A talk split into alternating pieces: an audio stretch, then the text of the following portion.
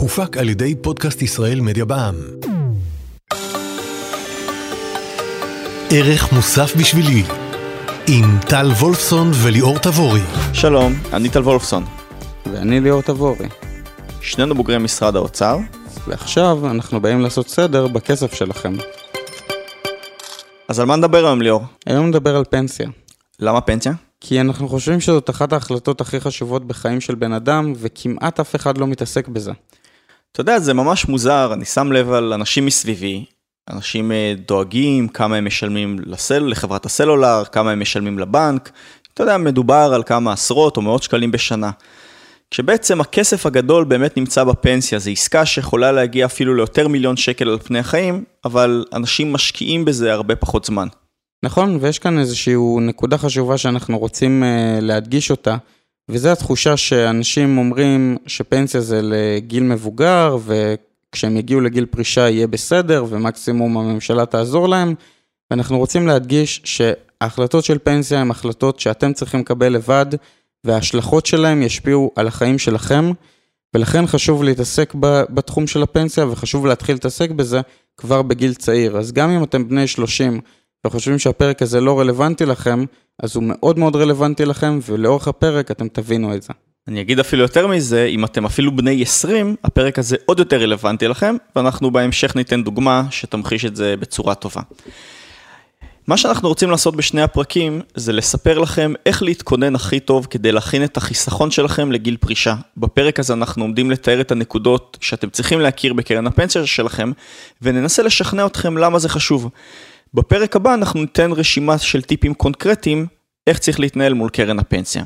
אבל לפני שאנחנו נתחיל אנחנו רוצים לתת איזה מבט על, על שוק הפנסיה בישראל, ואנחנו נראה שיש שלושה סוגי פנסיות, כשבעצם הפרק שלנו רלוונטי לסוג אחד של פנסיה. איזה סוגים יש ליאור? אז כמו שאמרת, יש שלושה סוגים. הסוג הראשון זה מה שנקרא פנסיה תקציבית. את זה יש לכם אם אתם אה, פקידי ממשלה או קציני צבא מעל גיל 45 בערך, ואם יש לכם את זה, אז אתם מסודרים, אתם לא צריכים לדאוג כל כך מתחום הפנסיה, והפרק הזה הוא לא כל כך רלוונטי לכם. הסוג השני זה מה שנקרא פנסיה ותיקה. את זה יש לכם אם אתם שכירים או עצמאים שנכנסו לשוק העבודה לפני שנת 1995.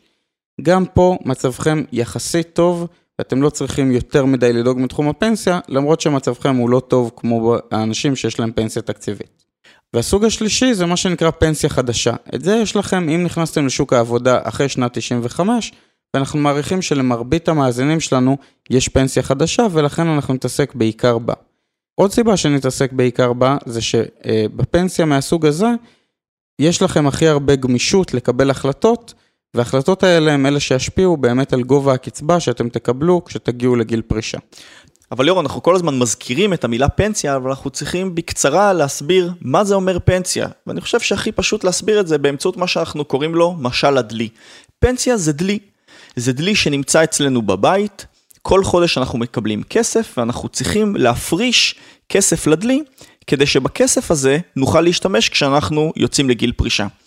אם אנחנו חושבים על זה, אנחנו בעצם בחיים עובדים בגדול 40 שנה, בממוצע מגיל 20 עד גיל 60.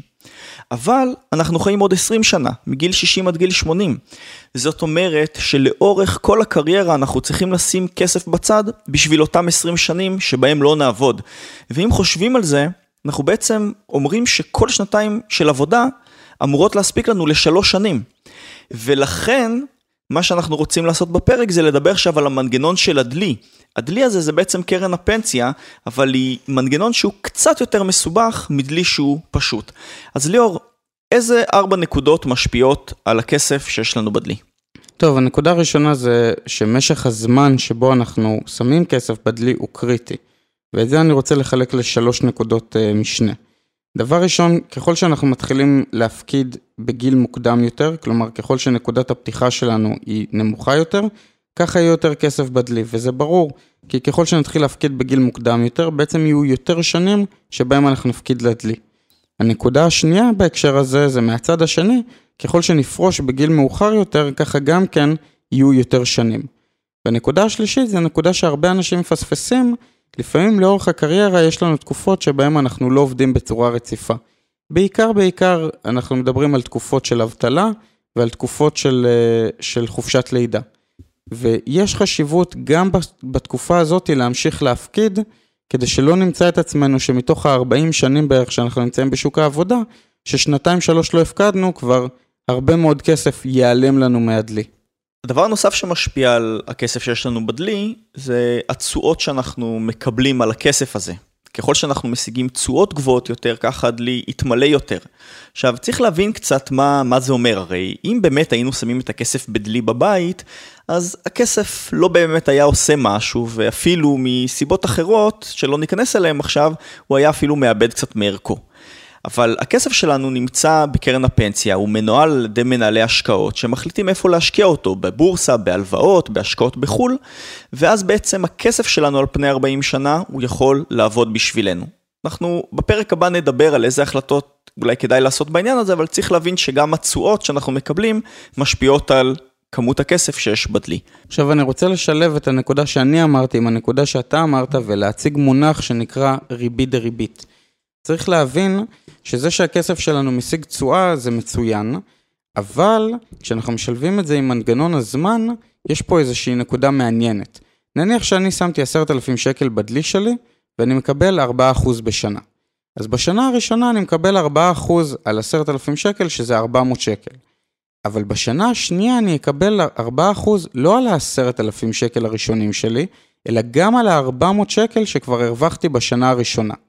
והמנגנון הזה של ריבית דריבית, הוא משפיע ככל שאתה אה, משקיע ליותר זמן, ככה ההשפעה שלו יותר חזקה, ואני רוצה להציג לך את זה עם דוגמה. נניח שאת ה-10,000 שקל שהזכרתי קודם, אני מפקיד למשך 30 שנה, בריבית של 4%. אז אחרי 30 שנה יהיה לי קצת יותר מפי 3 מהכסף, בערך 32,000 שקל.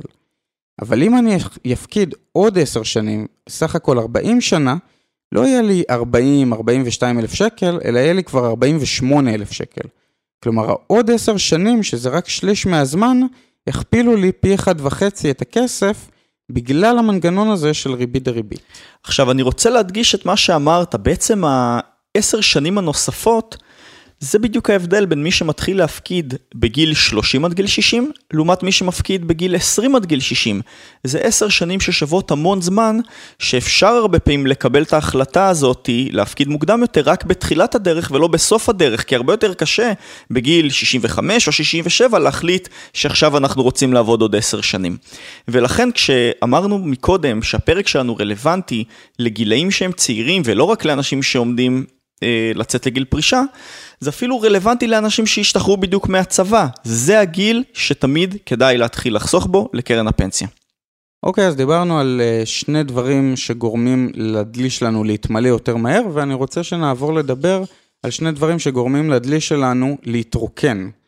כי בעצם, כמו שהזכרת, הכסף שלנו בדלי מנוהל לא בדלי בבית שלנו, אלא בקרן פנסיה, ויש אנשים שעובדים כדי לנהל אותו ואת ההשקעות אה, שהם עושים, ועל זה הם גובים דמי ניהול, ודמי הניהול מחולקים בעיקר לשני דברים.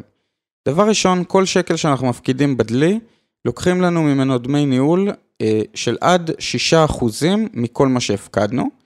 ודבר שני, על כל הכסף שנצבר לנו כבר בדלי, גובים מאיתנו עד חצי אחוז בשנה על הצבירה שלנו.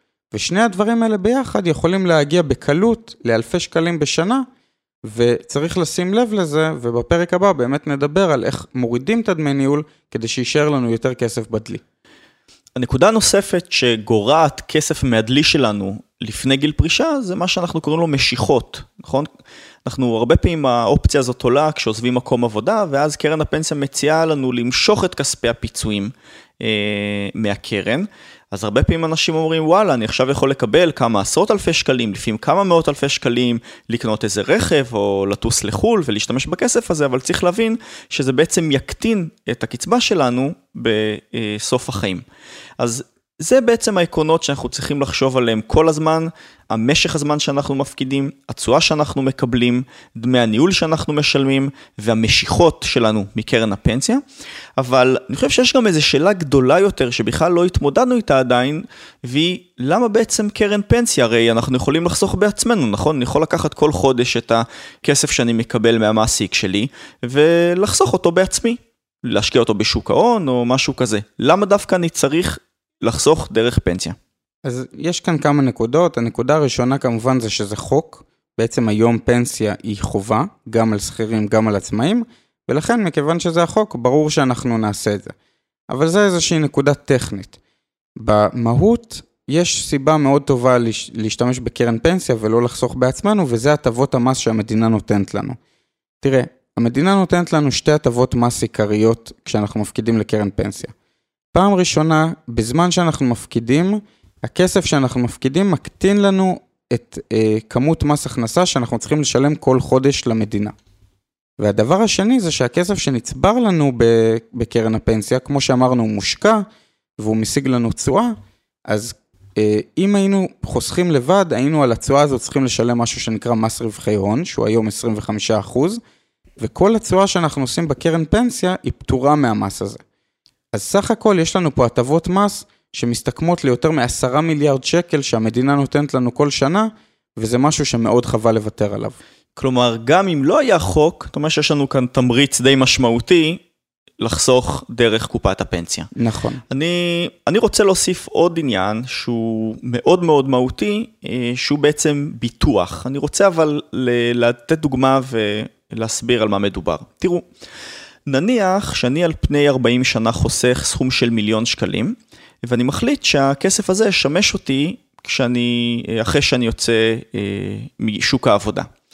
עכשיו, יכול להיות שהסכום הזה הוא יהיה יותר מדי, ויכול להיות שהוא יהיה פחות מדי, כי אני לא באמת יודע כמה זמן אני אחיה.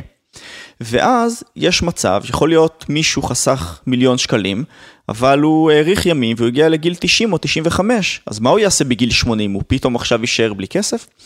במובן הזה קרן הפנסיה היא קופה משותפת של כל החברים, והסטטיסטיקה אומרת שחלק מהאנשים ילכו לעולמם קצת יותר מוקדם מהממוצע, חלק מהאנשים ילכו לעולמם מאוחר יותר מהממוצע, ולכן קרן הפנסיה מאפשרת לנו, היא מבטיחה לנו את הקצבה החודשית עד סוף ימינו, לא משנה עד מתי.